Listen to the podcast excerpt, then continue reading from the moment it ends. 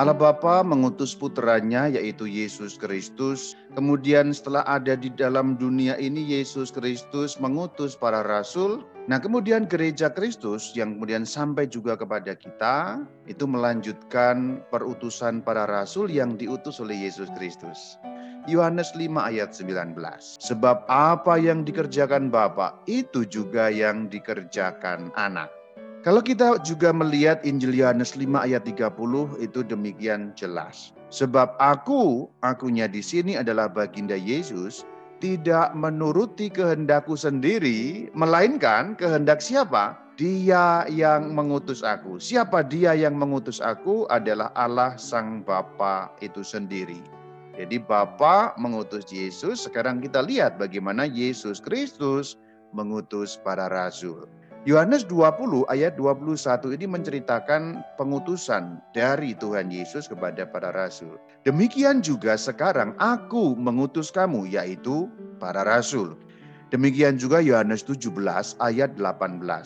Maka dikatakan sama seperti engkau, Bapa, telah mengutus aku Yesus, demikian pula aku Yesus telah mengutus mereka ke dalam dunia, merekanya para rasul. KGK 858. Dalam diri mereka, para rasul, ia, Yesus Kristus, melanjutkan perutusannya. Pelayanan para rasul melanjutkan perutusan Kristus. Para rasul itu kan hanya 12 atau beberapa belas saja. Meskipun nanti kemudian ada rasul yang di luar 12, tapi jumlahnya tidak banyak. Sedangkan karya kerasulan itu banyak sekali bidangnya, jenis pekerjaannya, dan lain sebagainya tidak mungkin para rasul yang jumlahnya sedikit itu mengerjakan semuanya. Maka beberapa hal, beberapa kerasulan atau pelayanan nanti didelegasikan. Dan bagian ini penting sekali untuk memahami kerangka ajaran Katolik yang namanya suksesi apostolik. Sekarang kita lihat di dalam KGK 860. Dalam tugas para rasul ada satu bagian yang tidak dapat diserahkan, yaitu tugas sebagai saksi-saksi terpilih kebangkitan Tuhan dan dasar gereja. Tetapi berarti perlawanan di dalamnya juga terletak sekaligus satu tugas yang dapat diserahkan. Yang tidak dapat diserahkan ada dua, yaitu saksi kebangkitan Sang Kristus dan dasar gereja. Kenapa tidak dapat diserahkan? Ya tidak bisa tidak ada yang bisa menggantikan para rasul sebagai saksi kebangkitan. Karena mereka yang menjadi saksi. Tidak ada yang bisa menggantikan para rasul sebagai dasar gereja. Iman para rasul itulah yang menjadi iman kita. Tidak bisa orang dari abad ke-21 mengatakan, saya saksi kebangkitan Kristus. Yang kamu nggak melihat kok. Jadi itu maksudnya tidak dapat diserahkan. Ada tugas khusus yang tidak mungkin ada gantinya, itu maksudnya. Sebaliknya, ada tugas-tugas lain di luar yang dua itu yang bisa diserahkan, yang bisa digantikan oleh orang lain yang ditunjuk untuk melaksanakan. Perutusan, kerasulan yang dipercayakan harus berlangsung sampai akhir zaman. Secara logis, kalau harus berlangsung sampai akhir zaman berarti harus ada yang menggantikan karena para rasul tidak hidup abadi di muka bumi. Maka kembali ingat soal tadi itu yang dapat diserahkan, yang tidak dapat diserahkan. Berarti ada yang dapat diserahkan supaya pelayanan kerasulan berlangsung sampai akhir zaman. Saya mau sekarang fokuskan pada yang dapat diserahkan. Contohnya, para diakon yang nanti menggantikan tugas para rasul, atau lebih tepatnya menggantikan beberapa tugas dari para rasul, enggak seluruhnya. Kisah Rasul 6 ayat 5 dan 6. Ini ketika para rasul itu diberi usul oleh jemaat bahwa pelayanan sosial terabaikan. Tapi kemudian dipilih para diakon mengurusi pelayanan sosial, menggantikan. Berarti pelayanan sosial diserahkan oleh para rasul kepada golongan diakon. Sementara para rasul fokus untuk menangani pelayanan firman Allah. Berarti sejak zaman para rasul pun sudah ada tugas-tugas mereka yang didelegasikan kepada para diakon. Setelah itu juga masih ada beberapa tugas lain yang didelegasikan kepada orang lain. Kali ini tidak para diakon tetapi para presbiter. Kisah Rasul 14 ayat 23. Di tiap-tiap jemaat, jemaat berarti kalau bahasa kita sekarang zaman now keuskupan. Rasul-rasul itu menetapkan penatua-penatua bagi keuskupan itu, paroki itu. Diserahkan tugasnya. Untuk apa ya? Untuk misa, untuk sakramen dan lain sebagainya. Tetapi di sini ada masalah terjemahan. Presbiteros ya. Nah presbiteros ini diterjemahkan menjadi penatua-penatua. Tetapi sebenarnya terjemahan itu masalah. Terjemahan penatua-penatua itu tidak umum di dalam khasanah Gereja Katolik Indonesia. Sebenarnya apa yang dimaksud dengan presbiteros di situ? Romo, pastor, pater, imam, tugas-tugas pelayanan para rasul dipercayakan kepada para presbiter tadi itu. Ketika rasul pergi yang misa di satu paroki itu siapa? Ya para presbiter, romo-romo itu. Yang melayani pengakuan dosa siapa? Ya romo-romo itu. Itulah kenapa sampai hari ini para presbiter, para romo, para pastor, para pater, para imam seperti aku ini punya wewenang mendengarkan pengakuan dosa dan memberikan sakramen pendamaian, rekonsiliasi, sakramen tobat kepada umat, kepada jemaat. Karena ikatan sejarah yang sangat kuat kalau kita lihat salah satu ayatnya. Ini baru salah satu ayat. Kisah Rasul 14 ayat 23. Apa enggak haleluya saudara kalau begini? Haleluya saudara. Sekarang kita lihat lanjutannya masih soal penatua, tapi sudah dengan konsep yang berbeda ya. Sebelumnya kan kita membaca penatua mungkin nggak ngerti, tapi sekarang sudah ngerti maksudnya apa? Romo. Maka kalau kita membaca kisah Rasul 15 ayat 23 sudah lain. Salam dari rasul-rasul dan Romo, Romo. Berarti Romo-Romo itu sudah ada sejak zaman zaman para rasul.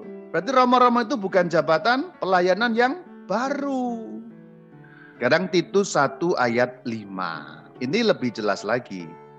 Engkau yang berarti Titus mengatur apa yang masih perlu diatur supaya engkau menetapkan penatua.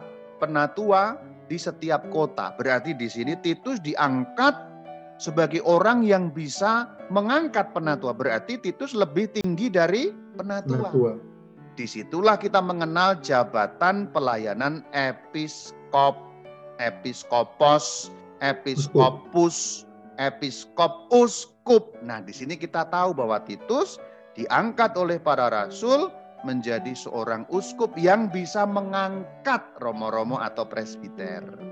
Dalam bahasa kita, supaya engkau menahbiskan presbiter-presbiter supaya engkau menabiskan romo-romo. Siapa yang bisa menabiskan romo? Ya yang di atasnya romo. Siapa yang di atasnya romo? Uskup, episkop, episkopus, episkopos. Mari kita sekarang lihat cerita selanjutnya kerasulan laici. Bagi Anda yang baru bergabung atau belum terbiasa dengan istilah saya laici, ini bukan istilah saya, istilah gereja Katolik ini sebenarnya artinya awam. Dalam bahasa Indonesia, laici diterjemahkan awam. Hanya secara pribadi saya tidak merasa cocok dengan istilah awam. Itu berarti kan seakan-akan nggak ngerti gitu ya. Awam, oh saya awam. Ureanya kita awali dari pertanyaan. Apakah kerasulan hanya tugas pelayanan bagi orang yang ditahbiskan saja yaitu diakon presbiter? Kalau lihat tadi itu kan berarti konteksnya para rasul menahbiskan diakon presbiter juga episkop. Apakah hanya tugas itu? Kisah Rasul 8 ayat 1 dan seterusnya. Menjelajah seluruh negeri untuk sambil memberitakan Injil. Jadi mereka yang tersebar laici menjelajah seluruh negeri itu. Negeri apa? Ayat 1, Yudea dan Samaria. Sambil memberitakan Injil.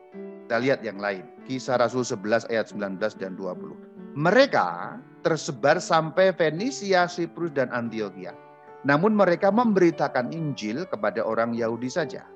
Jelas ini orang-orang laici. Ini bukan diakon, bukan presbiter, tapi orang umumnya yaitu jemaat Kristen awal, laici yang memberitakan Injil. Dan jelas sekali memberitakan Injil, memberitakan Injil. Mereka memberitakan Injil. Ini yang sekarang menyebut nama. Tadi kan masih umum ya. Praksis Apostolon 18 ayat 26. Ia yang dimaksud Apolos mulai mengajar dengan berani di rumah ibadat. Tetapi setelah Priscilla dan Aquila mendengarnya, tadi mendengar Apolos bicara tadi itu, Mereka, mereka berarti siapa? Priscilla dan Aquila. Membawa dia, dianya siapa? Apolos. Ke rumah mereka. Berarti Priscilla dan Aquila membawa Apolos ke rumah mereka dan dengan teliti menjelaskan kepadanya. Kepada siapa? Kepada Apolos. Jalan Allah. Berarti yang suami siapa? Aquila. Yang istri siapa? Priscilla. Ini suami istri. Berarti hmm. mereka ini laici. Berarti bagian-bagian awal zaman para rasul tidak hanya mereka diakon presbiter, episkop, memang mereka secara khusus meneruskan atau menggantikan tugas pelayanan para rasul yang dapat diserahkan tadi, tetapi mereka bukan eksklusif yang mewartakan Injil saja, mereka bukan mereka saja. Karena semua pengikut Kristus, bahkan di dalam surat Rasul Paulus disebut nama-nama berbagai macam. Mereka mewartakan Injil Kristus. Itu bukti-bukti dalam ayatnya mana. Itulah kenapa gereja Katolik merumuskan dalam ajarannya, sekarang saya kutip ajaran gereja di dalam dokumen AA. Nggak usah pakai GIM ya, ini AA itu saja. ini AA yang artinya Apostolicam Actuositatem. Nomor dua, kerasulan itu dilaksanakan oleh gereja melalui semua anggotanya dengan berbagai cara. Lanjutannya ini masih ayat yang sama. Sebab panggilan Kristiani menurut hakikatnya merupakan panggilan untuk merasul juga. Berarti kalau Anda dibaptis, otomatis langsung Anda dipanggil menjadi rasul pada zaman modern. Merasul.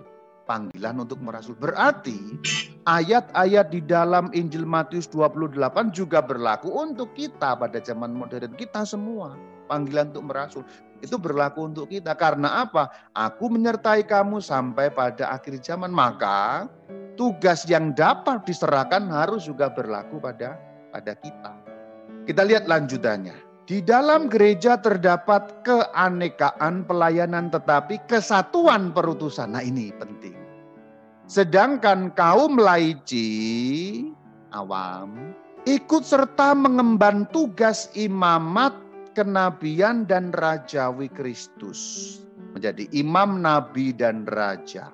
Itulah panggilan untuk kita semua secara khusus gereja memberikan catatan untuk laici. Dan bagian terakhir, sesungguhnya mereka menjalankan kerasulan awam dengan kegiatan mereka untuk mewartakan Injil. Maka saya bertanya juga kepada Anda-Anda semua ini, wahai laici, sudahkah ikut melaksanakan mengemban tiga tugas Kristus dalam mewartakan Injil dalam tugas imamat nabi dan rajawi Kristus itu.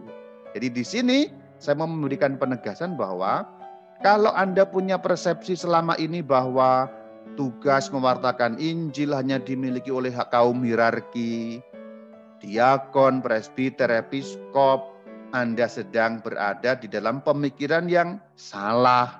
Karena sejak awal gereja tidaklah demikian bahwa semua orang bahu-membahu untuk mewartakan Injil kepada semua orang. Memang dikhususkan tugas itu dipercayakan secara khusus kepada orang-orang yang ditahbiskan, yang menggantikan peran para rasul tadi, yang diserahi tugas oleh para rasul, diakon, presbiter, episkop. Namun Sesungguhnya semua dari kita memiliki tugas yang sama, perutusan yang sama dalam gereja.